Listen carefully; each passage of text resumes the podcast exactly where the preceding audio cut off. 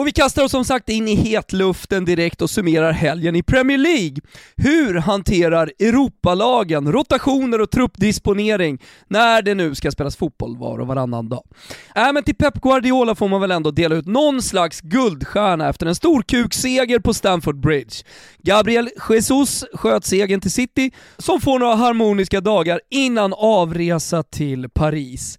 På tal om staden i nordväst förresten, Manchester alltså, Ole Gunnar verkar ha det fortsatt svårt med kontinuiteten. Torsk och mållösa på hemmaplan. Up the villa! Liverpool då? Mm, Bräntan borta, skandinavisk prägel, nykomling, Pinny och allt det där. Skulle väl bli en enkel resa. Icke. Brentford gav sig aldrig, tog visserligen ledningen men var sen tvungen att kvittera två gånger. 3-3 roterades backlinjen bort, va? Var det andra linan?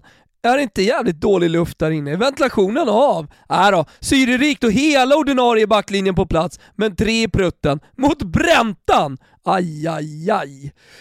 Vidare noterar vi seger för Everton mot Norwich, eh, kryss i Watford Newcastle, 2-2 Leicester Burnley och en sen vändning för West Ham borta mot Bielsas Leeds till alla wise guys som tagit sikte på jackpottars glädje.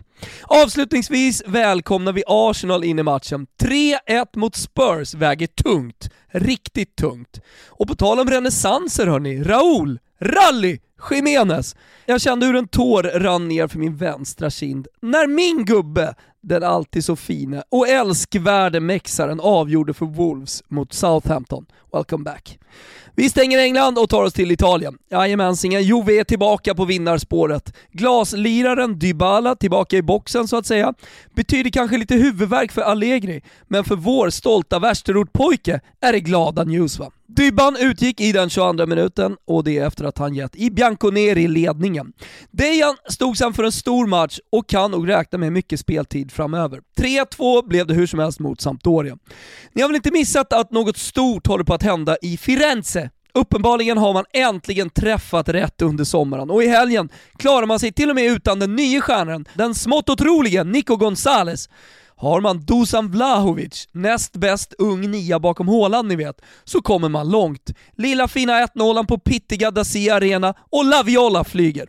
Det är annars, som vanligt, mycket snack om randigt och huvudstadslag, men alla, inklusive mig ska sägas, verkar ha glömt bort Napoli. Efter en otroligt övertygande prestation mot Cagliari summerar man nu sex raka segrar i ligan och stadens son, ja, han har äntligen blivit vuxen och flyttat hemifrån. Han bär sitt Napoli så som han stundtals faktiskt bar Italien i somras. Det går inte att inte älska Lorenzo Insigne. Han gör lite som han vill, men framförallt så leker han fotboll. Otrolig spelare, som numera alltså till och med drar bort medspelare som ska gidra och joddla med domare. Hur som helst, på tal om randigt, Inter fick bara med sig kryss mot Atalanta och jag säger bara för jag förväntade mig mer. Milan däremot är fortsatt obesegrade. En något roterad elva visade moral och löste segern på sydspetsen av Liguriens långa, vackra kust. Il Derby della Capitale då som du pratade om Gustav, mm. som du och jag förutspådde blev det chansrikt och fartfyllt. Sagnolo tog hela härligheten i handen och muckade som De Rossi brukade göra med Lazio-publiken.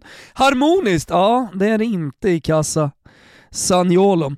Lazio däremot roffade åt sig alla tre poäng och jag vet inte med er, men jag känner i alla fall starkt för Maurizio Sarri som bara pinkar ner den ena stortränaren efter den andra. Han knallar sin egen väg och det är så jävla mysigt att vara åskådare när Maurizio Sarri har ett fotbollslag. Slutligen, lite information från Genoa. Nya amerikanska ägare är ett faktum och trots att det inte riktigt räckte hela vägen mot Hellas Verona så knallade nog i Rosso Blue nöjda hem från Luigi Ferraris i lördags. Det var fritt inträde och fest i Marassi och det, ja, det har fan inte hänt sedan Sundsvall brann. Från Jag coachade, coachade derby igår mot Djurgården, ligger så därför röstar jag lite såhär. Ah. Från övriga Europa tycker jag det är värt att notera klar seger för Barcelona där hela anfallsligan fick känna på nätet. De Jong, Depay och Ansu Fati. Allt positivt tas emot med öppna armar i Katalonien. Sossarna bara vinner, visserligen utan Alex Isak, men ändå. Känslan är att de verkligen har etablerat sig som ett topplag numera. Atletico Madrid då? Ah! Ah! Torsk mot ruskigt svala Alaves, utan Jigge. Och jag vet inte, det borde göras mer mål. Det kan vi i alla fall samtliga ändå konstatera. Mål kanske Real Madrid borde gjort mot Villarreal, men eh, samtidigt, i deras läge så tar man en 0-0 under rotationstider mot Villarreal utan att jaga upp sig. Hade ju varit totalt onödigt. Vi avslutar med några ord om svenskarna i Europa. Ah, eller några ord. Jag kanske ställer frågan istället för jag har ganska dålig koll. Hur är det egentligen, Gusten? Vilka flyger? Jag har riktigt dålig koll på den här säsongsinledningen. Alltså jag snackar Holland, jag snackar Belgien, jag snackar Tyskland och så vidare. Du kan väl berätta, du sitter ju ändå i landets enda Europastudio. Och då vill jag inte höra att Foppen har gjort straffmål i helgen, för det har alla koll på. Jesper Karlsson, ah, Starfelt, vad händer? Ta nu skägget då Gusten!